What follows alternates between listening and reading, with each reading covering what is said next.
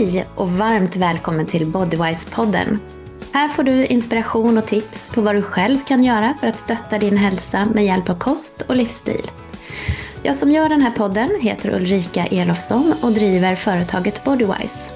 Jag jobbar som funktionsmedicinsk hälsocoach och personlig tränare och jag vill hjälpa dig med helheten när det gäller din hälsa. I det här avsnittet pratar jag med Louise Rudberg, hormonterapeut och expert på kvinnohälsa och hormoner. Vi pratar om hur våra kvinnliga hormoner fungerar, vad som händer och hur man kan må i förklimakteriet och klimakteriet och hur du kan stötta ditt mående på bästa sätt under denna period i livet. Vi pratar också om hormonbehandling, varför det kan vara bra med hormonbehandling, vem det passar för, hur länge man kan hålla på, till vilka potentiella risker det kan finnas. Jag vill passa på att korrigera en siffra som jag nämner när vi pratar om en studie där man undersökte hur styrketräning kan hjälpa mot klimakteriebesvär. Där nämner jag felaktigt siffran 70% Det ska istället vara cirka 40% Det här är ett riktigt viktigt avsnitt där du får lära dig mer om hur du kan stötta ditt mående på bästa sätt i förklimakteriet och klimakteriet. Hjälp mig gärna att dela och sprida avsnittet genom att prenumerera på podden och kommentera så att andra också får ta del av Louise kunskap. Hoppas du gillar avsnittet.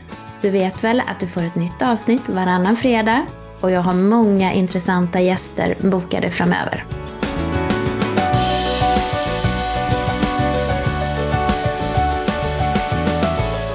Hej och varmt välkommen till Bodywise-podden Louise.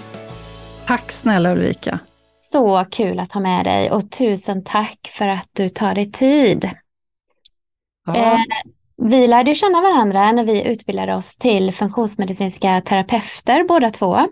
Men du är ju också hormonterapeut. Kan inte du börja med att berätta lite om dig själv och vad är en hormonterapeut och hur jobbar du? Ja, visst kan jag göra det. Eh, hormonterapeut är ju ingen skyddad titel på något sätt, utan det är faktiskt någonting jag själv har eh, hittat på, det namnet.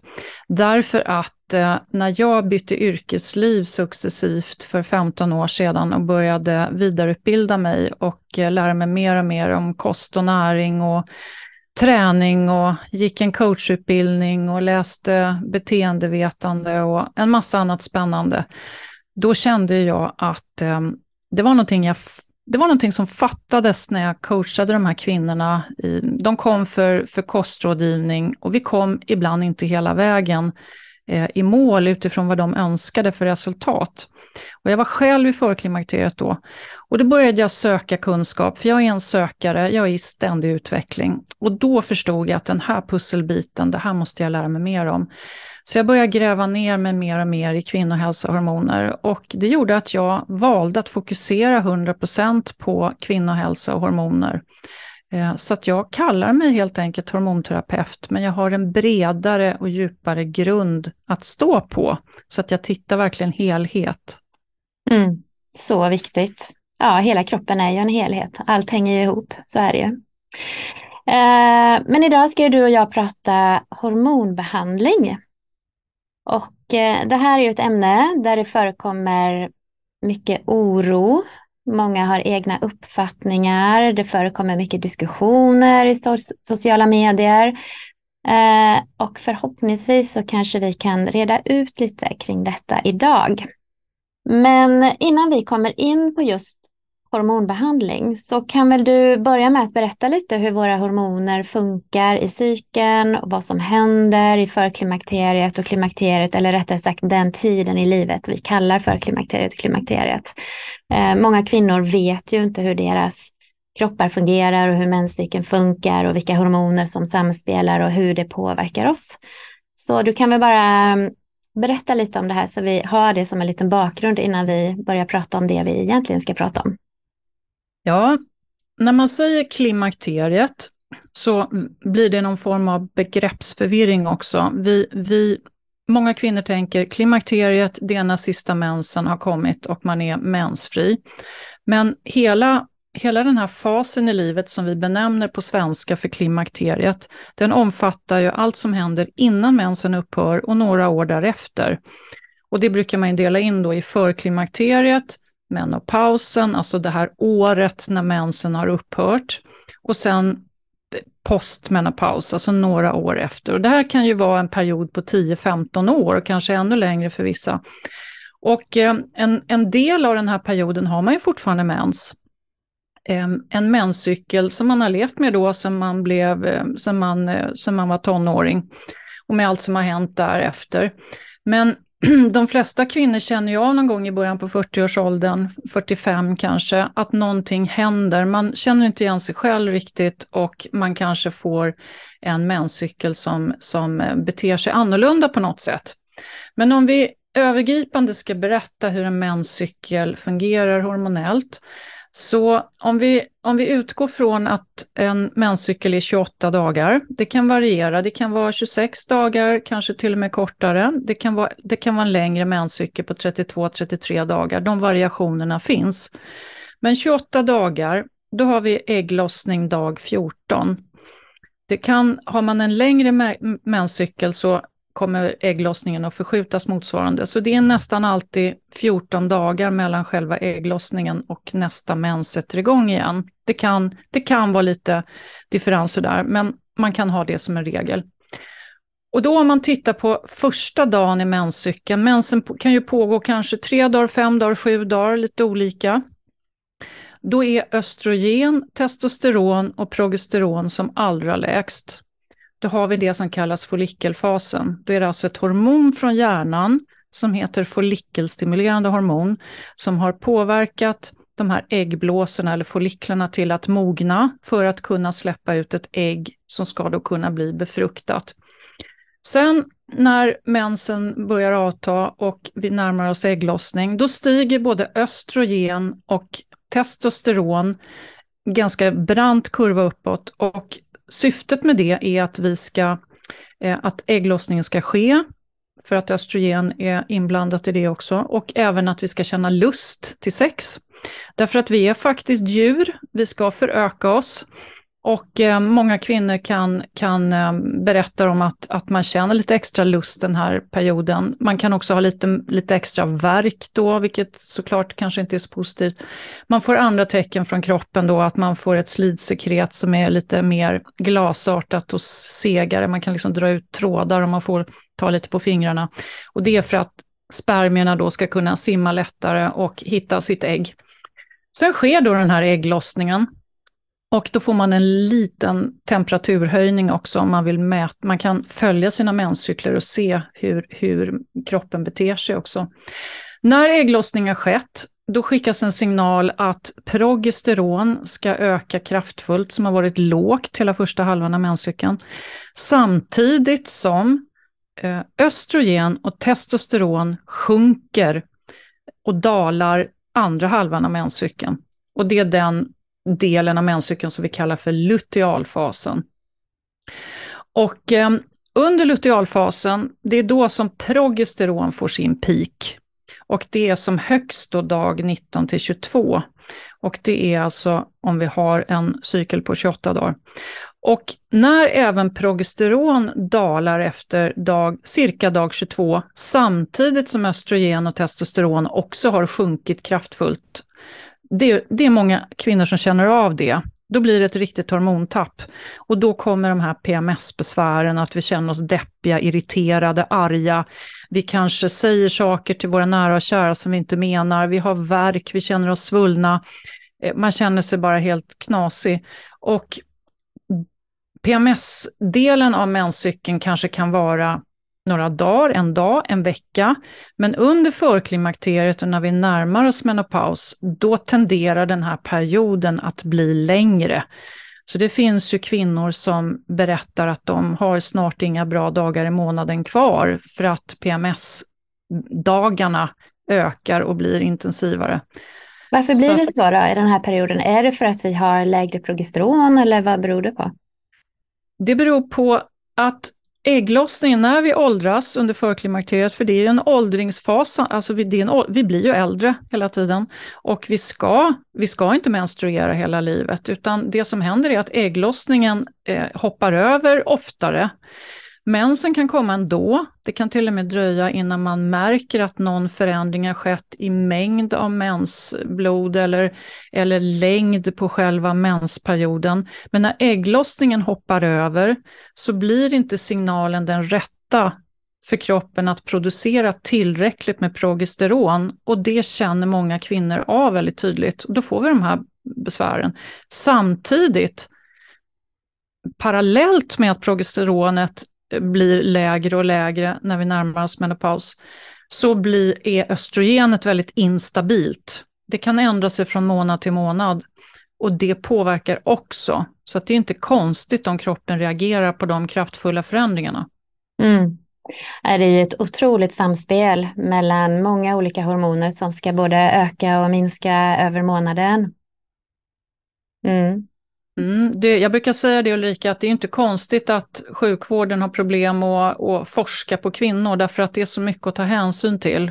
Mm. Ehm, för att hormonerna i menscykeln är så kraftfulla, så de påverkar så mycket vårt mående. Och eh, det här är ju ett samspel med, med övriga delar av kroppen, med om alla signalsubstanser i hjärnan som påverkas av hormonerna. Det samspelet är ju också tätt och, och eh, skapar då alla, alla symptom och obalanser som uppstår under förklimakteriet. Så att jag skulle verkligen önska att man når ut med information om det här tidigt, därför att om man förstår varför och om man känner att jag är inte ensam så blir det lättare. Det är min erfarenhet. Mm. För det är ju väldigt lätt att skuldbelägga sig själv. Man kanske beter sig på ett sätt som man inte vill, man säger saker som man inte vill, man blir arg, irriterad eller att man känner sig deppig och nedstämd och kanske inte har någon ork till någonting heller. Ja, så kanske man tänker att det är omgivningen det är fel på. Det är mitt jobb det är fel på, eller det är min partner det är fel på, eller jag mår så här för att jag har tonåringar som har en jobbig period och det kan ju såklart också påverka. Men Ulrika, det som är allra viktigast utöver att förstå vad som händer i kroppen, det är ju faktiskt att hantera stress. Mm. För att stress är inte bra för någon, men det blir extra eh, illa i den här hormonella förändringsfasen i ett kvinnoliv. Mm. Och den här perioden i livet, det kan ju faktiskt vara en period där många kvinnor har extra mycket stress, för man kanske har tonårsbarn, eh, mycket med det, man ska skjutsa och hämta, vara uppe på nätterna, kanske oroa sig och sen kanske man också har äldre föräldrar som man behöver ställa upp för och hjälpa och oroa sig för. Så att eh, det kan ju lätt bli väldigt mycket stress i den här perioden av livet. Absolut, och um, jag brukar säga att vårt samhälle är inte särskilt klimakterievänligt, just för att vi lever så som du beskriver, samtidigt som vi ska jobba fortfarande mycket på männens villkor och, och liksom man får bita ihop och eh, jobba, många jobbar heltid och, och, och, så får man inte sova och, och, och känner sig extra känslig. Det är klart att det blir tufft. Sen finns det de som föder barn sent. Det gjorde jag mitt tredje barn födde jag när jag var 39 och eh, efter den förlossningen så fick jag en del kvardröjande besvär från sköldkörteln som gjorde att jag blev så extra trött under förklimakteriet. Och det var långt senare som jag förstod de här sambanden. Så att det finns symptom för kvinnor, för sköldkörtelobalanser är vanligare bland kvinnor än män, som lätt kan förväxlas med antingen ren klinisk depression eller förklimakteriesymptom. Och det här har inte ens vården verktyg och resurser för att reda ut alla gånger, utan många kvinnor går med odiagnostiserade eller får inte, den, får inte rätt hjälp helt enkelt. Mm. Nej, tragiskt. Så vi kanske inte hade behövt må så om vi hade fått rätt hjälp i rätt tid. Nej, åtminstone hjälp för någon att sortera ut vad är det som gör att du mår så här. Ehm, ska vi ta prover på sköldkörteln så kan vi utesluta det förhoppningsvis. Eller ehm, stämmer dina symptom med förklimakteriet? Ehm, kan vi prova det och det? Eller hur är det, de här, de här, att man känner sig lite deprimerad och ledsen och sårbar så, det behöver inte betyda att man faktiskt är deprimerad, utan det är ju ett symptom som uppstår när östrogenet blir instabilt och därmed drar ner serotoninet. Och serotonin är ju både hormon och signalsubstans, men vi, vi, vi ser på det som en signalsubstans, alltså sekundsnabba reaktioner som sker i hjärnan som, av, som, som ger oss liksom känslor, hur vi mår, hur vi upplever saker och hur vi känner oss i balans. Och när serotonin blir instabilt och lågt, då blir vi ju ledsna, vi gråter lätt och vi känner bara att livet är så orättvist och usch vad jag mår dåligt. Precis så här som de här PMS-symptomen ofta är. Och så sitter vi i det här i våra egna kroppar och kan liksom inte titta utifrån på oss själva därför att det har du säkert märkt själv Ulrika, att man glömmer ju från månad till månad. Om man inte har en sån här tydlig anteckning om hur man mår alla dagar i menscykeln, så, så säger kanske ens partner, jaha, är det dags för mens nu igen? Ja, det kanske det är. Ja, men det har jag glömt. Så har jag varit i alla fall. Nej, men det är så konstigt. Det kommer ju varje månad och ändå så bara, oj, blir man lika förvånad. Var det därför jag mådde på det sättet? Mm. Ja. Men vet du vad, det är inte alla som mår dåligt. Det finns faktiskt kvinnor som glider igenom den här fasen ganska, eh, ganska enkelt. Jag har en sån väninna, eh, men det är inte ofta jag träffar på sån. Alltså en, en, en kvinna som söker min hjälp och min rådgivning, hon, hon hör ju inte av sig om hon mår bra. Så jag hör ju bara de som, som eh, behöver hjälp och extra stöd, som vill ha det. Mm. Alltså det man hör om mående i den här perioden i livet är ju ofta vallningar, kanske problem med inkontinens och sånt där. Men annars så, det här du har pratat om nu, nedstämdhet, ja, sömnbesvär, är också kanske att man hör, men det här du pratar om nu, nedstämdhet och ilska, irritation, det är ju inte någonting vi pratar så mycket om, att det skulle kunna vara relaterat egentligen till klimakteriet. Nej, och det finns ju ganska mycket elaka eh, uttryck för den här fasen i livet. Omgivningen kan tycka att eh, gud vad hon är sur och grinig. Och, ja. om, man, om man säger till en kvinna som är 40-45 att ja, jag hör vad du säger, du, det kanske är klimakteriet som har satt igång, så är man ja, inte klimakteriet. Och det, man håller det ifrån sig för att det har så negativ klang i vårt samhälle fortfarande. Och eh, det hoppas jag att vi kan verka förändra. Eftersom vi ska jobba så länge till så måste vi alla få en möjlighet att må bra. Ehm, men det finns ju så många symptom, Ulrika, som de flesta kopplar ihop ehm, de här symptomen med vad heter det, vallningar och svettningar och kanske känner sig lite deppig och låg och man vet att mensen krånglar och sådär. Men det finns ju andra symptom som vi kanske inte pratar lika ofta om. Glömska, minnesstörningar, man, eh, man liksom glömmer ord, man, att, att jag glömmer vad folk heter, det har jag gjort hela livet tyvärr. Men det har inte blivit bättre genom klimakteriet, utan man får liksom ha lite fusklappar eller ta hjälp för att komma ihåg vem man pratade med, om man, det är någon ny bekantskap. Sådär. Eh, spända bröst, man blir svullen i kroppen. Och många kvinnor 40-45 idag, de är ganska vältränade. De är vana att träna, det är den generationen. Och, och så plötsligt får man inte de här träningsresultaten längre och man tycker, men vad fasen, ja då slår man till med att göra en triathlon eller en klassiker eller något annat häftigt. För jag ska minsann visa att det är inget fel och det här klarar jag och jag har ju tränat hela mitt liv. Det är faktiskt inte det eh, man ska eh, göra där och då om man eh, är inne i förklimakteriet och har mycket besvär för att det blir ännu mer stress för kroppen. Utan ta det lite lugnt, sök en personlig tränare eller någon kunnig person som kan hjälpa dig att liksom hitta kanske lite annan, lite lugnare träning eller lite längre återhämtningsperioder. Och sen den här tröttheten man känner och den här olusten. Många kvinnor sörjer sin bristande lust och det är tabu att prata om. Oj, oj, oj. Eh, att man kanske har världens underbaraste relation och eh, man, har, man kanske till och med har en ny relation som har pågått bara några år eller man har det bra på alla sätt. Men plötsligt har man inte lust med sex och närhet längre och man har inte lust att ta tag i saker. Och när jag har pratat en stund med klienter, då, då nämner de nästan alltid de här sakerna, när man känner sig liksom lite mer trygga och vi har kommit igång. Eh, och det finns inte så många forum för det det kanske inte är det man direkt sätter sig på en dammiddag och pratar om. Det beror lite på vilka väninnor man har. Så att, och det är en sorg för många kvinnor.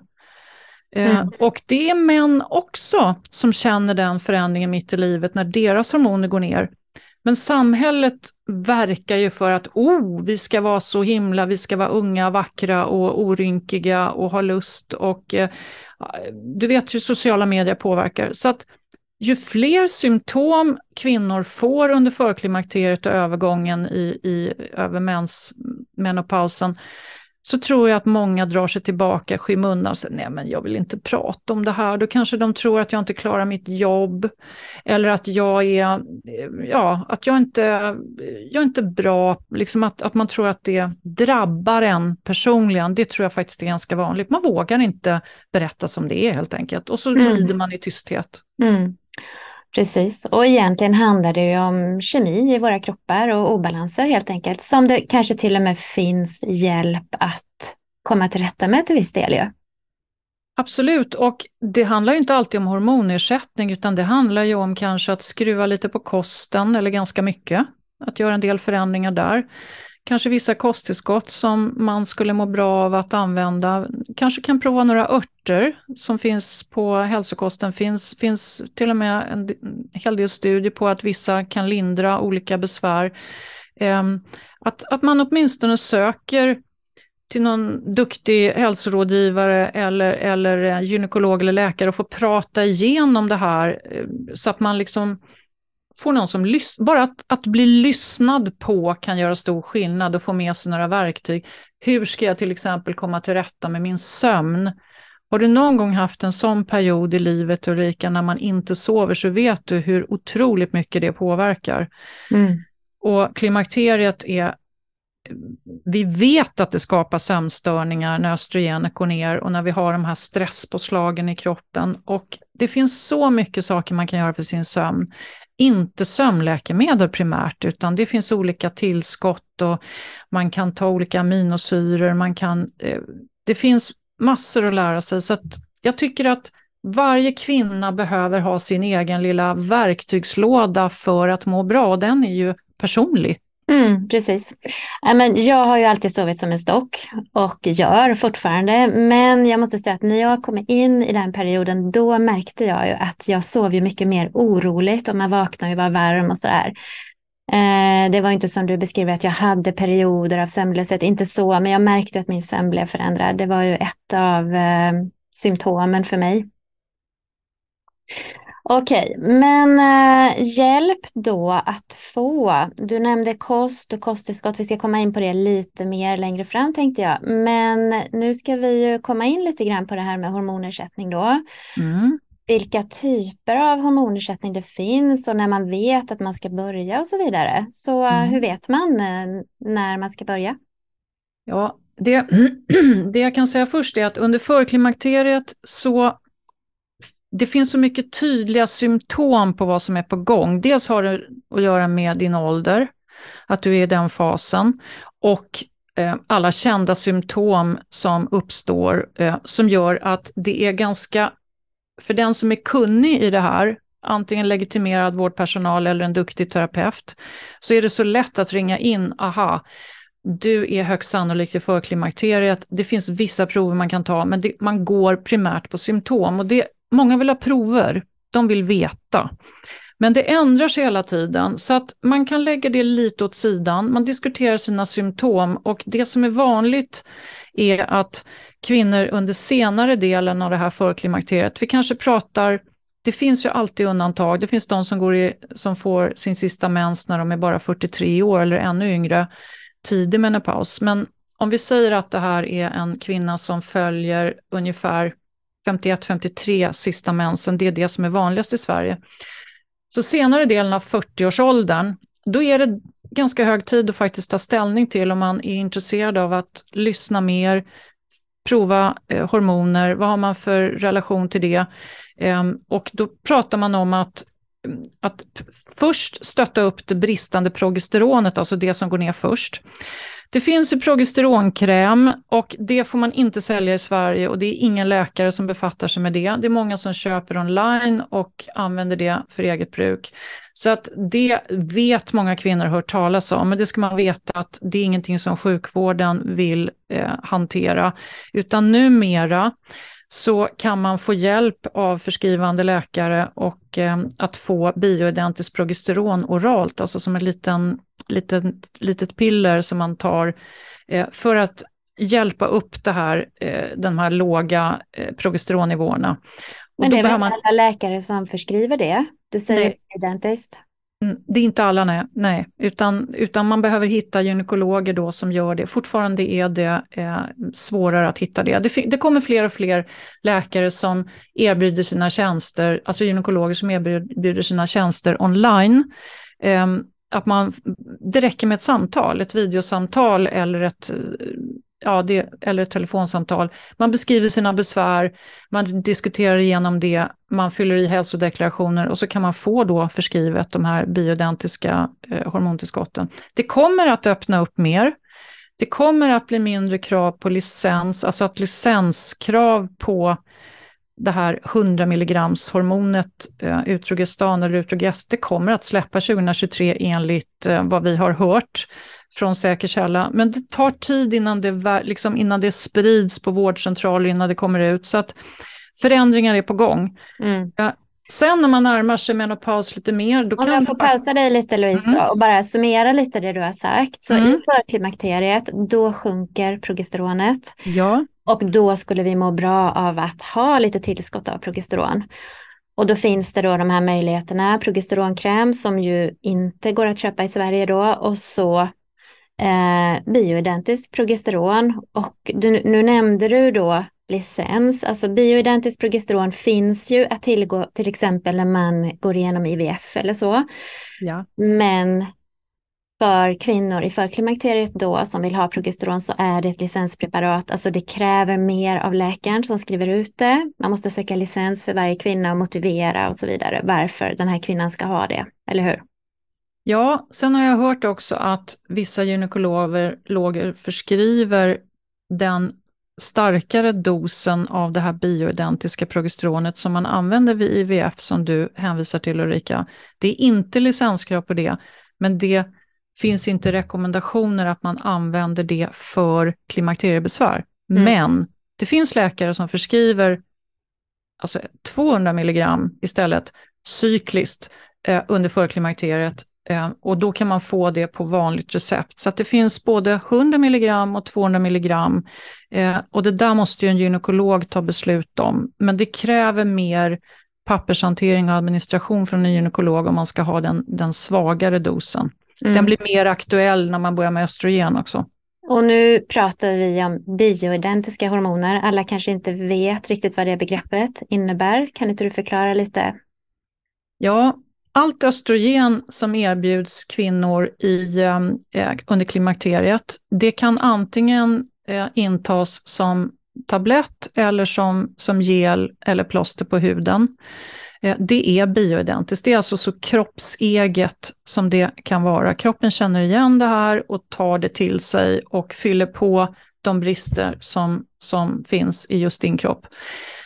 Sen behöver man ett progesteron för att syftet med det är ju för att skydda livmoderslemhinnan mot eh, tillväxt. I och med att östrogen står för tillväxt och progesteron hämma den här tillväxten så att det inte blir en förtjockad livmoderslemhinna och där kan då över tid en cancerogen process uppstå. Då ser man till att inte den risken uppstår och då tillsätter man ett progesteron också. Det här är alltså kombinationen östrogen-progesteron som blir aktuellt kanske ännu lite närmare menopaus, men man kan mm. fortfarande menstruera allt sånt här får man ju hjälp av läkare att reda ut såklart. Um, Men östrogen skapar tillväxt på slemhinnan och progesteron ja. gör så att vi blöder ut slemhinnan då, eller att ja. tillväxten inte blir för tjock helt enkelt. Precis. Och då finns det olika typer av progesteron. Dels det här bioidentiska som vi har beskrivit nu, nu nyss. Eh, som många kvinnor vill ha och eftersträvar och, och försöker få tag i. Eh, men också sedan länge tillbaka har vi många års erfarenhet och studier på ett annat typ av progesteron som kallas för gestagen. Och det är ett, ett ett läkemedelsprogesteron som är mer manipulerat. Allting görs i fabrik, det gör ju även de bioidentiska progesteronerna och östrogenerna. Men gestagen är mer, en mer manipulerad form och den skyddar livmoderslemhinnan mot cancer och process. Det har vi massor med erfarenhet av. Men det är inte alla kvinnor som mår bra rent mentalt eller i övrigt i kroppen av den typen av progesteron. Um, och i och med att det är kombinationen östrogen-gestagen som de flesta vårdcentraler förskriver, så eh, är det det man kan få om man inte får tag i en gynekolog. Så att det här uppstår det mycket frågor för kvinnor. De blir väldigt oroliga. Tänk om jag mår dåligt av den här, det här receptet, den här typen av progesteron jag har fått. Eh, tänk om det är farligt på något sätt. Varför kan jag inte få tag i bioidentiskt? Men det är inte alla kvinnor som mår 100% bra bara för att man får tag i ett bioidentiskt progesteron, utan man behöver liksom resonera och reda ut vad är skillnaderna i mående. Så att det som vården har syftat till det är att skydda livmoderslemhinnan mot cancerogen process. Det vet vi att båda gör, men sen har du ju annat också. Du har ju bröstväv, du har mental påverkan i övrigt. Och där skiljer det sig åt och det skiljer sig från kvinna till kvinna också. Och det här tycker många är besvärligt och därför väljer de, nej men det där verkar så jobbigt, jag avstår istället. Mm. Ja, det är ju mycket med det här med hormonersättning och jag vet ju själv när jag, för jag tar ju hormonersättning när jag skulle börja, det är ju rätt svårt att ställa in och hitta rätt nivå och sådana här saker också. Och jag fick testa många olika östrogenpreparat innan jag hittade rätt. Mm. Eh, men hur vet man när det är dags att börja då? Är det när man börjar känna sig lite deppig, nedstämd, när man inte känner igen sig själv eller när man börjar få vallningar eller när man känner att symptomen och besvären är så pass påverkande på min vardag så att man känner inte igen sig själv och man känner att jag kan inte ha det så här. För vissa kvinnor är det så uppenbart så att det finns ingen annan väg. För andra är det mer diffust. Då, söker, då bokar man en tid och diskuterar igenom det här. Och man kan alltså få extra östrogen redan innan mensen har upphört. Mm. Så att man, man kan säga, om man ska bara titta på hur gammal man är så kan man säga någonstans mellan 45 och 50 kan det bli aktuellt att ta de här diskussionerna. Mm. Men vi var inne på det i början, det finns ju en rädsla också kring det här med hormonersättning.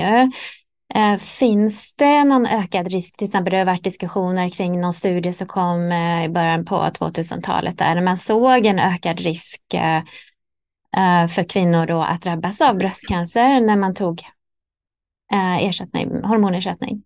Ja, du tänker på den här VHI-studien, WHO-studien som genomfördes. Ja, den har ju skrämt ihjäl många kvinnor, höll jag på att säga. Eh, från, eh, det, det gick ju ner drastiskt efter den.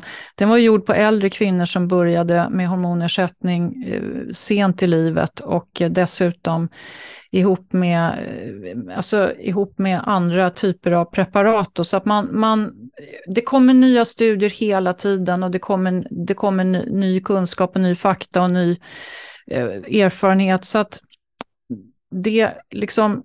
Eh, alltså, det förändras hela tiden och jag tror att många kvinnor är, är rädda i onödan. Att prova hormonersättning några år, varken man får gestagener eller bioidentiskt progesteron, eh, kan, kan ha ett värde för att känna om man, om man helt enkelt blir av med sina besvär och leta till man hittar rätt. Eh, nu frågar du om någonting annat också Ulrika. Hur var din ursprungsfråga? Nej, det var ju liksom vilka risker som eh, ja. finns med hormonersättning då. För att ja. det finns ju den här rädslan för det som mm. bygger på den här studien som du pratar om då. att mm. Precis, den var, man får ju titta på hur studien är utförd och så vidare. Och där var det ju så att de kvinnorna som var med i den här studien de var ju precis som du sa, de hade ju gått igenom menopos för kanske mer än tio år sedan och då rekommenderar man ju inte att börja med hormonersättning. Mm. Och sen dessutom hade de flesta inte den här kombinationen östrogen-progesteron utan de flesta hade ju bara östrogen då. Så att, ehm, och det var mycket andra parametrar, det var övervikt och sånt med i, där också. Så nu vet vi att den studien, den fick ju väldigt stor genomslagskraft när den kom. Men nu har man ju tittat lite grann på hur den var utförd och att den kanske, det kanske fanns lite frågetecken kring den då. Precis. Men just det här har ju liksom kanske hjälpt till att bygga upp den här rädslan kring hormonersättning. Uh, Men om man, om man använder hormonersättning kanske mindre än fem år så räknar man inte med några ökade risker för cancer. Och då, det finns ju olika slags cancer. Det finns ju bröstcancer, det finns livmodercancer. Och sen, alltså, cancer kan ju drabba så på så många ställen och där ser man inga ökade risker. Men efter fem år kanske något ökad risk. Sen kan det vara, eh, alltså, eh, man säger att bröstcancer, östrogen ökar troligen inte risken för bröstcancer, men man säger att det kan vara en liten en liten ökning om man får det här, eh, en, en typ av gestagen istället för bioidentiskt progesteron. Och då har man nämnt medroxiprogesteron som är en substans i vissa gestagener som kan öka risken något. Och då kanske vi pratar om någon procent eller två och då ska man då jämföra det, jag har inga exakta tal, men då ska man då jämföra det med sitt mående. Att eh, okej, okay, det här är det jag får förskrivet, eh, av min läkare och eh, jag väljer att prova det för att eh, kunna må bättre. Tar jag det några år, jag kanske inte behöver hålla på mer än några år över menopaus och sen avrundar jag eller slutar. Eller också väljer kvinnan att hålla på långsiktigt med hormonersättning och då ska man veta att eh, risken ökar något om man använder hormonersättning mer än tio år efter Alltså om, man, om, man, om den pågår längre än tio år, då ökar risken något mer för bröstcancer. Och då får man också diskutera med sin läkare, kan jag få hormoner förskrivet längre än tio år? Har jag kvar symptom som gör att jag kan inte vara utan? Det finns kvinnor som har hormonbesvär, klimakteriebesvär upp, långt upp i livet eh, på äldre dagar. Eller kan jag fasa ur det här nu? Men man måste påbörja sin hormonbehandling inom tio år från sista mensen, annars får man inte hormoner utskrivna. Mm. Men du, nu har ju vi pratat om risker och rädsla och oro, men det finns ju väldigt många positiva effekter också faktiskt av att eh, ha hormonersättning, eller hur? Absolut. Ja, det man, ska, det man ska känna till är ju att östrogenet är väldigt skyddande för oss kvinnor. Och eh, när östrogenet går ner, när sista mensen har upphört så är ju inte, vi har ju inte noll östrogen kvar i kroppen, utan vi kanske är nere på 30, 40, 50 procent jämfört med vår mest fertila period. Men det är tillräckligt för att mensen ska upphöra. Men samtidigt som mensen upphör och östrogenet har sjunkit så här lågt så ökar också statistiskt risken för oss kvinnor att få Alzheimersjukdom, um, hjärt-kärlsjukdomar, vi är uppe alltså i riskfaktor på männens nivå. Um, tjocktarmscancer, benskörhet såklart, det vet vi hänger ihop med att det är många, mer, många fler kvinnor som blir men, bensköra.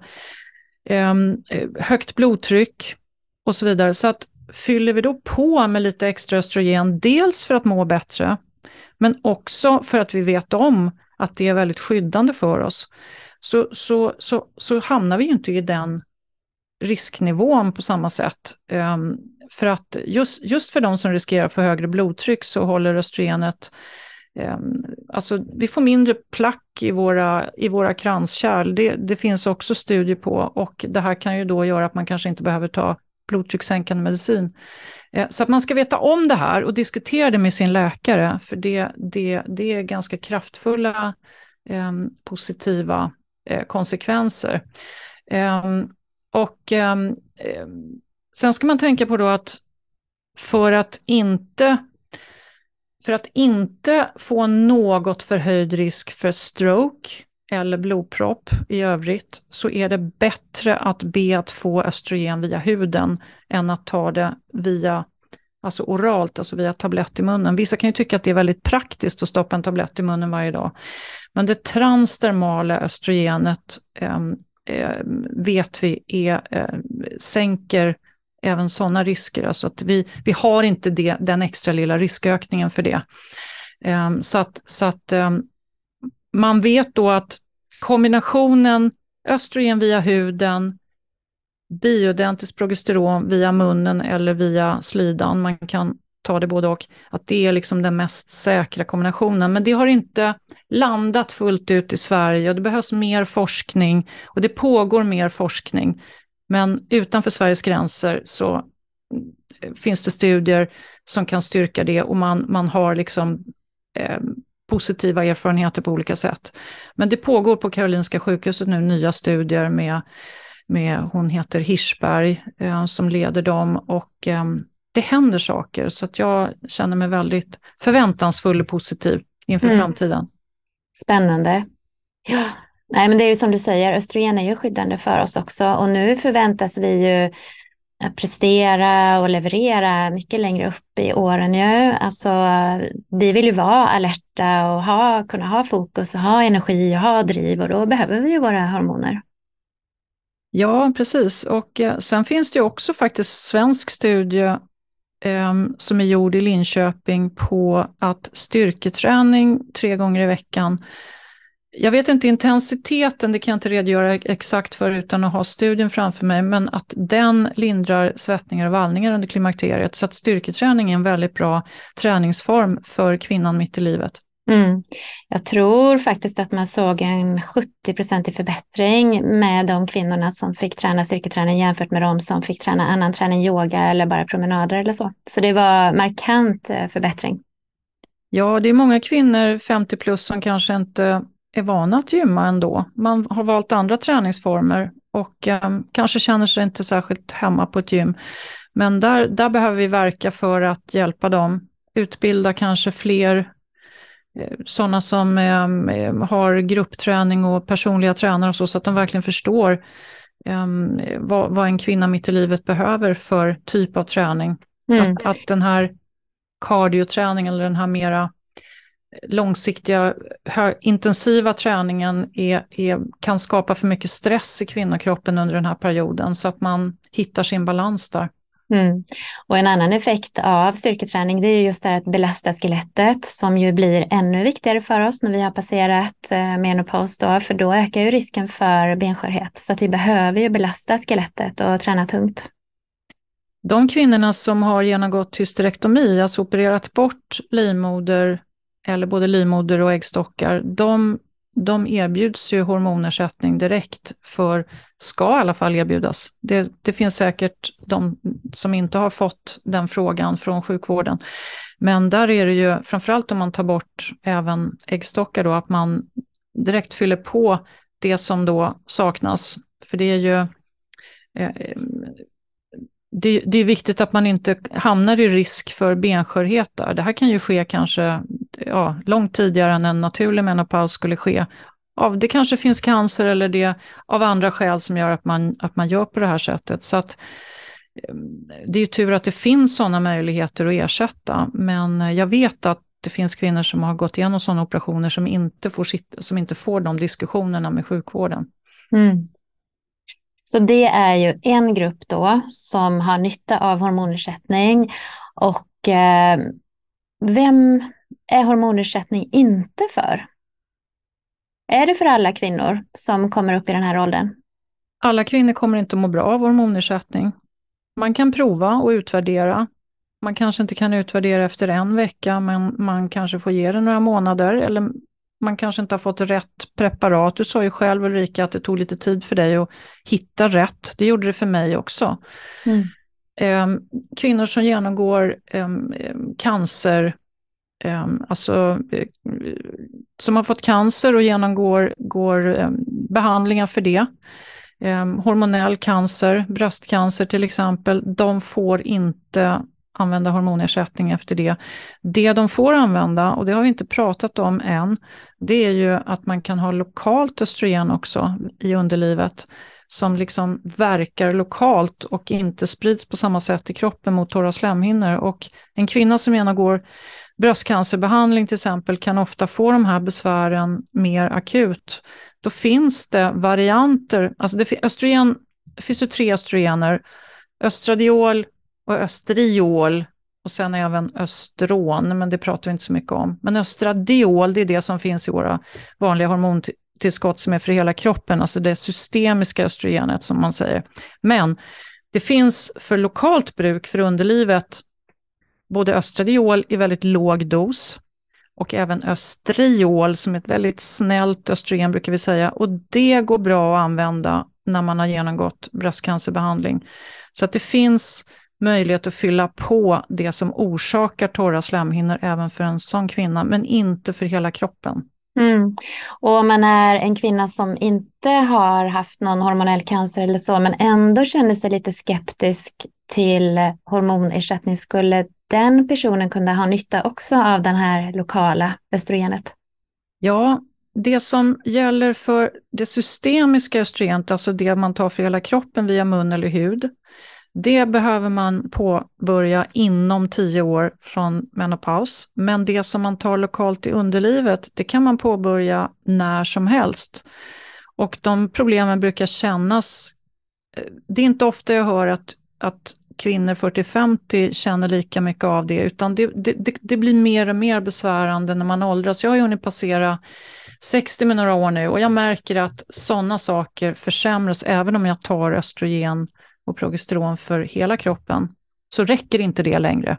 Och då kan man behöva ta lokalt i underlivet och det, eh, det säger läkare, sjukvård att det går jättebra, påbörja när du är 70, påbörja när du är 55, när du känner att behov finns. Det tar, eh, det tar några veckor innan du uppnår effekt. Du tar det lokalt via slidan som kräm eller vagitorier eller någon liten tablett. Det finns receptfritt på apoteket. Det är för små doser för att påverka hela kroppen så att det lindrar i övrigt, utan det verkar lokalt i underlivet. Och det eh, eh, effekten upp, den kvarstår inte om man slutar, utan det behöver man då fortsätta med. Och det är många kvinnor som känner att de kan det, det är behagligare att sitta på cykelsadel till exempel att kunna ha omslutande sex upp i åren, att inte få besvär med irritationer i underlivet och mer besvär med urinvägsinfektioner. För att det ökar och det kan vara väldigt allvarligt att få urinvägsinfektioner ofta med behov av Ehm, ehm, penicillin och annat. Det, det vet vi att många äldre får, att det kan bli väldigt farligt. Men lokalt östrogen kan hjälpa urinvägarna också, att stärka upp dem, för att det påverkar även urinvägar. Så att både, både liksom hela, hela alltså, eh, slida, vulva, allt där och även um, urinvägar kan påverkas väldigt positivt av lokalt östrogen i underlivet. Och det är bara att gå till apoteket och fråga. Mm. För det här är väl också någonting som kan hjälpa till viss del mot inkontinensbesvär också, som många kvinnor upplever i den här åldern? Ja, det vet jag faktiskt inte. Där tror jag mera knipövningar är viktigt då. Och det kan också göra att det kommer mer blodtillströmning till underlivet, för att det är ju muskler som aktiveras. Um, inkontinens, alltså jag skulle säga, jag kan inte uttala mig om det, men däremot att när, när urinvägarna, när, när slemhinnorna i urinvägarna blir skörare när vi åldras, då retar det mer så att man liksom springer och kissar oftare. Man känner sig snabbare kissnödig än, än eh, man kanske har gjort tidigare. Och det kan göra att man vaknar oftare på natten med, så det kan ju störa sömnen bara av det skälet. Mm. Och det kan man alltså komma till rätta med om man tar lokalt östrogen i underlivet. Mm. Men du, om man nu då väljer att börja med hormonersättning i någon form här, hur lång tid tar det innan man får effekt? När kan man förvänta sig att du börjar må bättre? Ja, det är ju också individuellt, men eh, min personliga erfarenhet är att jag känner på några dagar. Min erfarenhet av att ha träffat många kvinnor i den här situationen är att det kan ta upp till några veckor, kanske en månad. Men eh, eh, ganska snart brukar man känna att någonting händer. Sen kan det vara så att det tar, som vi har pratat om, lite tid eh, innan eh, man kan utvärdera om var det här tillräckligt bra för att jag ska välja att fortsätta. Att ta ut de här recepten, att komma ihåg att ta eh, och att jobba vidare med min hälsa. För man kan ju inte stoppa i sig mycket socker och skräp och dricka för mycket kaffe och för, all, för mycket alkohol och sova för lite och allt och ta hormoner och tro att man ska hitta sin balans. Tyvärr, det finns inga quick fix, utan Nej. man behöver ju jobba med sin helhet. Mm, så är det ju. Så att, eh, men, Effekterna kan komma ganska snabbt ändå. De kommer ja. ganska snabbt. Eh, erfarenhetsmässigt snabbare av östrogentillskottet än eh, hur man upplever effekten av bara progesteron. Mm. Och det här då som jag själv upplevde att det var lite svårt att ställa in rätt nivåer och hitta rätt preparat och så. Vad, vad är din erfarenhet av det? Ja, och det, det, kan ta lite tid. Man behöver, jag tycker det är viktigt att man för en logg, alltså att man skriver ner, antingen om man har en app man vill använda eller om man skriver på papper, hur man mår hela tiden av, nu, nu, nu har jag tagit så här mycket östrogen och progesteron, eller vad man nu har tagit, så här mår jag nu.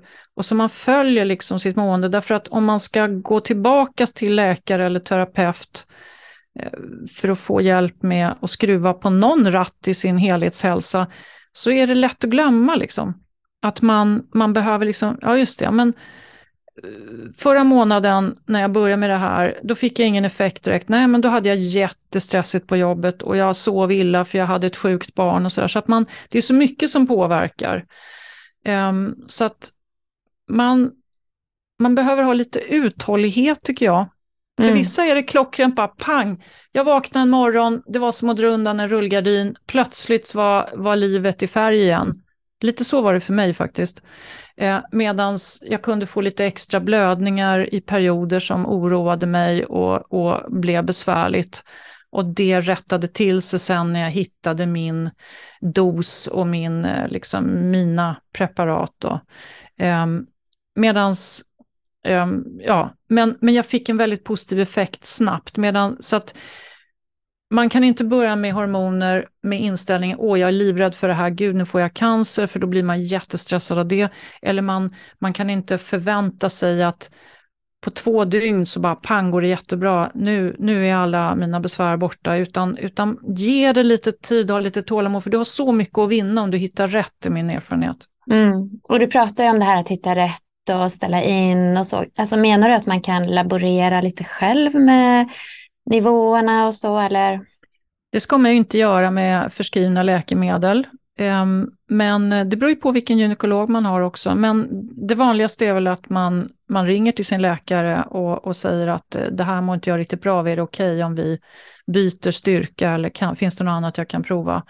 Ehm, har man ett östrogenplåster eller en gel man smörjer på huden, då är det lättare att öka eller minska. Men man brukar inte rekommendera att man gör det om man inte är överens med sin läkare om det.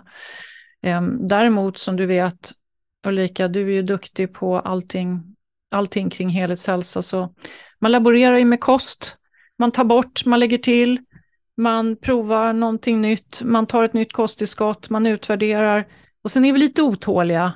Wow, nu, det här ska ju gå fort, men det funkar ju inte riktigt så. Nej, det gör ju inte det. Så att jag tror man ska, vara, man ska ha respekt för hormoner, man ska inte mm. labba för mycket själv. Nej, det är ju en sak att laborera, testa olika kost och kosttillskott, men just hormoner är ju väldigt potenta. Mm. Mm. Men du, det här med testosteron för kvinnor då? Det mm. har vi ju inte pratat om. Nu har vi pratat om östrogen och progesteron, men testosteron mm. är ju ett annat jätteviktigt hormon mm. även för oss kvinnor faktiskt. Visst är det det, och det kan man mycket väl behöva tillskott av, framförallt om man har genomgått en hysterektomi, som vi pratade om, alltså när man opererar bort både livmoder och äggstockar. Eh, testosteron är om möjligt ännu mer ovanligt att kvinnor får förskrivet, därför att man känner inte till att man kan behöva det.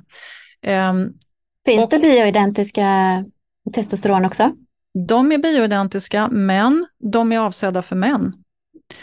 Män har flera typer av testosteron att välja på. Det är sprutor och jag vet inte om det finns plåster också. Men det finns en, en testosteronprodukt som heter Tostrex, som är en gel. Jag, vet, jag känner inte till om den finns i olika styrkor, men eh, jag tror att det är den svagaste som kvinnor använder och eh, jag, jag provar faktiskt själv just nu därför att jag var nyfiken på att se vad det gav. Jag diskuterade med min gynekolog och fick, fick stöd för det. Eh, man tar en betydligt lägre dos än en man. En kvinna har ungefär bara en tiondel mängd testosteron jämfört med en man. Ehm, och ehm, testosteron påverkar hjärnan så att man blir mer alert tar tag i saker, känner sig mer, lite mer jävlar anamma sådär om du ursäktar uttrycket, kan säga ifrån. Um, så att um, kvinnor som testar testosteron kan känna att de får tillbaka det här, att de känner liksom att oh, nu känner jag mig stark och nu, nu fungerar jag igen. Och eh, även att musklerna kanske svarar lite bättre på träning. Vi, vi behöver inte vara rädda att vi blir dopade på något sätt.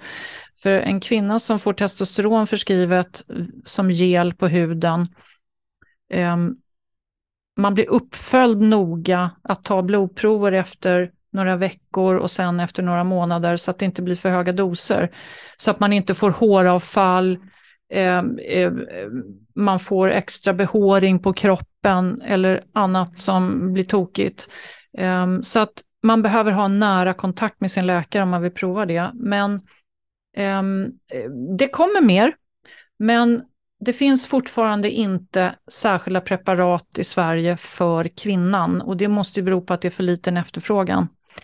Ehm, så att vi får använda männens gel och um, utvärdera det. Men uh, det, i och med att vi har mycket forum på sociala medier och så, så är det ju där kvinnor diskuterar sånt här. Det blir ofrånkomligt eftersom det saknas forum i den traditionella vården och få hjälp och stöd för alla våra frågor. Och eh, där är det många kvinnor som har provat, som rapporterar eh, goda erfarenheter på ledbesvär, mindre värk, eh, känner sig mer alerta, ehm, känner liksom att det är någon liten pusselbit till som har fallit på plats. Medan andra säkert kan känna att det här var inte alls för mig, det var inte värt det, jag känner ingen skillnad eller jag, jag um, svullnar i kroppen för att testosteron konverterar vidare till östrogen och det kan ju vara så att det är just din kropp Alltså vi, vi, pratar om hur hormonerna konverterar i kroppen, de här processerna som sker. Um, det kan ju vara så att i just din kropp så är det det som sker och då var inte testosteronnivån rätt för dig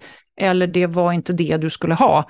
Men jag är ju nyfiken och vill prova och jag känner framförallt personligen då, kan jag bara svara för, eh, att ehm, jag har mindre besvär med ett verkande knä. Det har faktiskt blivit lindrigare och det har jag fått stöd för när jag har pratat med några andra kvinnor, att de känner liknande effekter.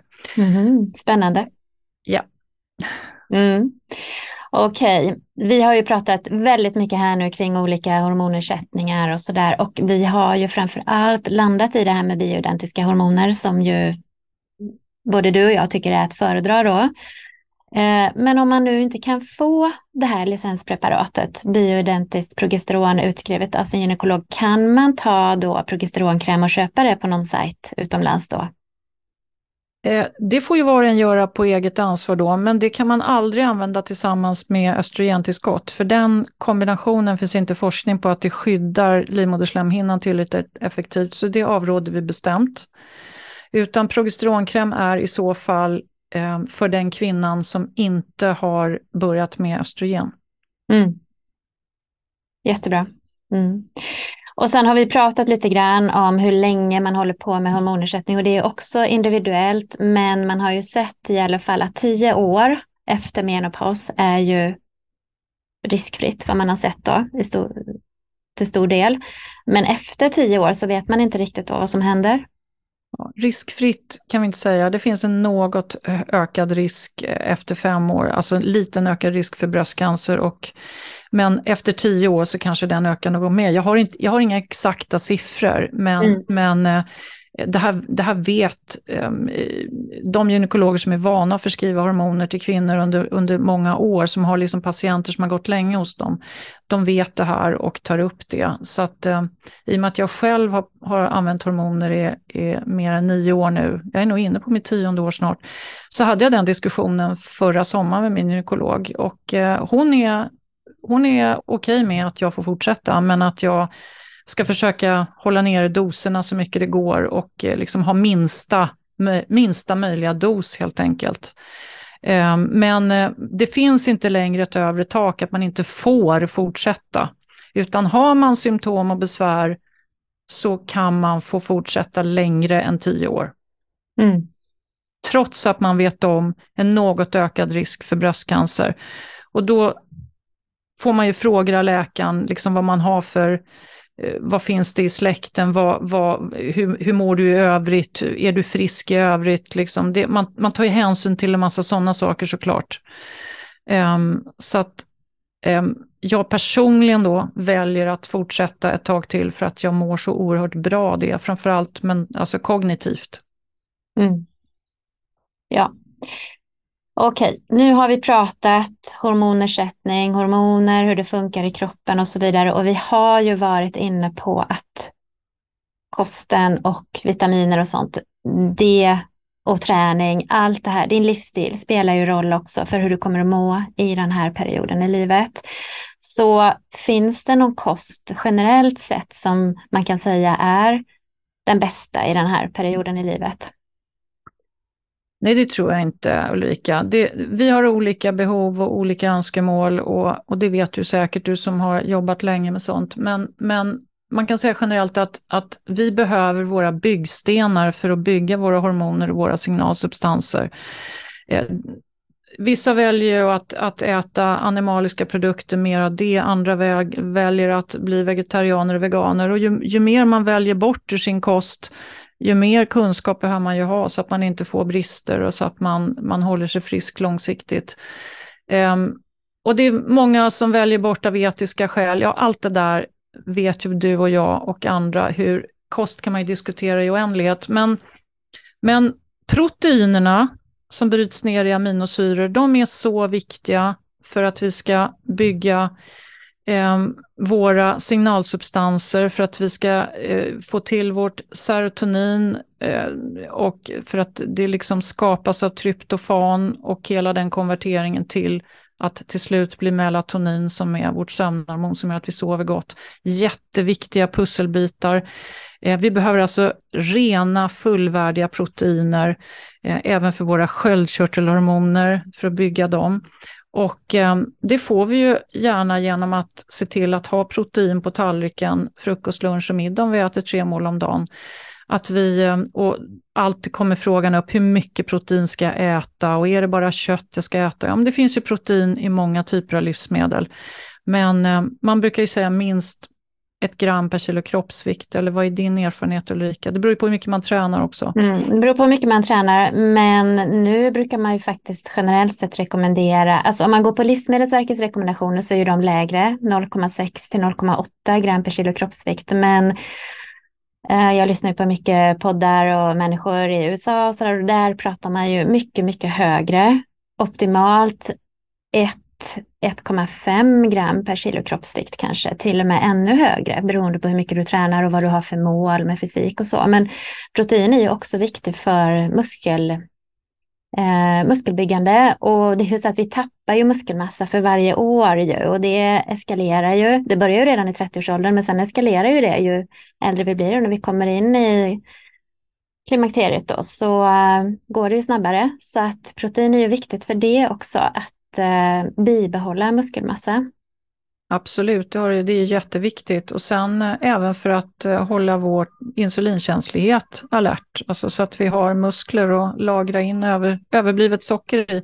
Som, mm. det, är en annan, det är en annan diskussion. Ja. Men, men sen behöver vi våra naturliga fetter också. Um, det finns ju så mycket onaturliga fetter i kosten, sådana som är processade i margariner och i uh, kakor och och sånt som står på hyllorna länge. Och det är alltså från början en växtolja som är processad så att den ska hålla länge eh, och ehm, används i livsmedelsindustrin. Det är inte de fetterna vi behöver som kroppen inte känner igen, utan det är de här, de här som, eh, fetterna utan innehållsförteckning.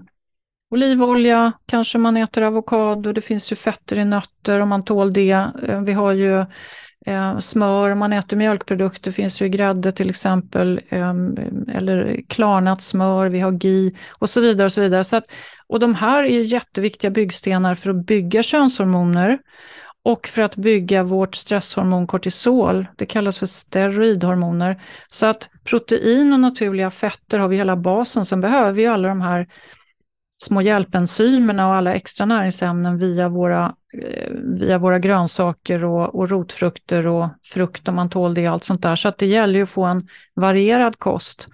Ehm, men, men i och med att vår matsmältning blir ju mindre effektiv när vi åldras också så är det ju viktigt att det vi faktiskt äter och stoppar i munnen är näringstätt och bra.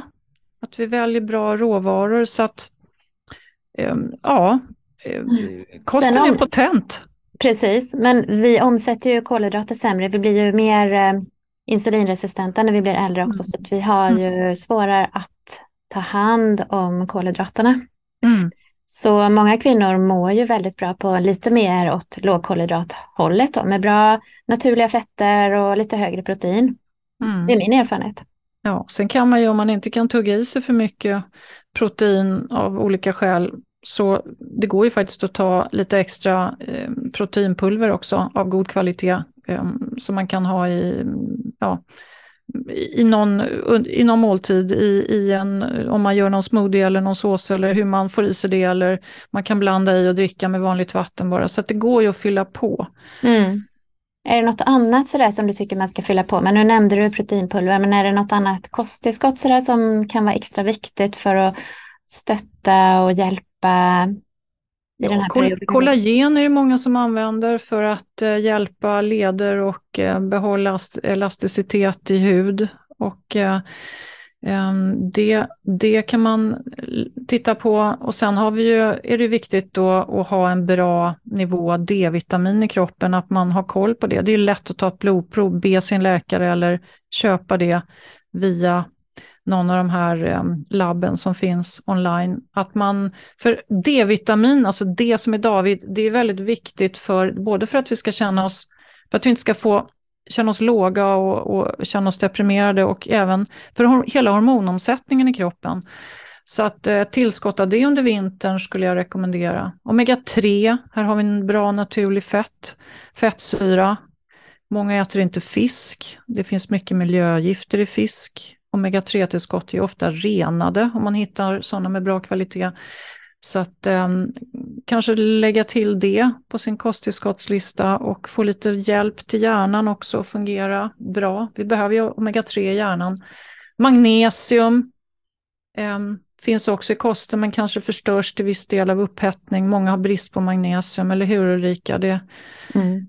verkar avslappnande på mm. spända muskler och behövs mm. i en massor med flera hundra processer i kroppen som ett hjälpämne. Kanske kan stötta sömnen lite till och med, i rätt Absolut. form. Absolut, jättebra tips. Um, zink kan vara viktigt, det kan man inte ta för höga doser för länge, då kan man få andra obalanser, men det, det är ett sånt mineral som vi kanske kan må bra av, få lite extra kan stötta upp sköldkörteln också. Det är ju mannens viktigaste mineral också med testosteronproduktion och spermieproduktion. Extra C-vitamin. Det finns ju några sådana här bastillskott som jag tycker man kan kosta på sig. Eller det finns ju sådana här eh, blandningar som är för kvinnan. Ehm, eh, um, män och balans eller något liknande finns det några sådana här som jag tror att Thorn gör. Um, men välj kosttillskott av bra kvalitet. Fråga om du inte vet. Um, um, prata med någon som kan och välj, välj, välj bra märken så att du får i dig bra kvalitet. Och uh, kom ihåg att kosttillskott inte kan ersätta um, om du slarvar med maten, utan mm. maten är ju grunden. Mm. Kosttillskott är ju just vad det är, tillskott, kosttillskott. Mm. Mm. Ja, men jättebra Louise, alltså, vi har ju täckt in massor i det här avsnittet nu känner jag och eh, jätte, jätteintressant att prata med dig och eh, få reda ut lite kring det här med hormonersättning då. Men berätta lite, var kan folk hitta dig? Vad har du på gång framöver? För du har ju kurser och livesändningar och allt möjligt. Ja, jag, ehm, jag har ett forum på Facebook som heter Louise Rudbergs hormonforum. Där kan man ansöka om att bli eh, medlem. Jag är inte där dagligen och bjuder på min kunskap, men jag är inne då och då. Och eh, i övrigt får kvinnor prata med varann där inne. Eh, jag ehm, jobbar gärna mot grupp och det gör jag mestadels online via Zoom, via webbinarium och ehm, jag föreläser och utbildar och jag har också skrivit, skapat en hormonutbildning som heter hormonrådgivare för kvinna mitt i livet. För jag fokuserar ju enbart på målgruppen kvinnor 40 plus. Och den går två gånger per år via lärarledda dagar plus att man läser en del själv. Samtidigt så kommer jag att släppa ut den nu som 100% distanskurs. Så att kurs, utbildning, gärna grupp, föreläsningar live, det är det som är min huvudverksamhet och sen har jag lite enskild rådgivning. Men allt det här kan man läsa mer om på louviserudberg.se. Mm. Och jag kommer lägga länken också i show notes så folk hittar dig. Mm. Ja, tusen, tusen tack Louise. Tack för din tid och tack för att du delar med dig av din kunskap. Så viktigt. Tack Ulrika, och det gör mig glad om den som lyssnar i sin tur delar vidare och pratar om det här, för att det är ju så som ditt och mitt arbete får någon verkan, att det, det är värt det helt enkelt. Mm, vi hjälps åt att sprida kunskap helt enkelt. Mm. Tusen tack. Tack. Hej då. Hej då. Du har lyssnat på Bodywise-podden med mig Ulrika Elofsson. Dagens gäst var hormonterapeut Louise Rudberg. I det här avsnittet pratade vi om vad som händer i förklimakteriet och klimakteriet och hur du kan stötta ditt mående på olika sätt i denna period i livet.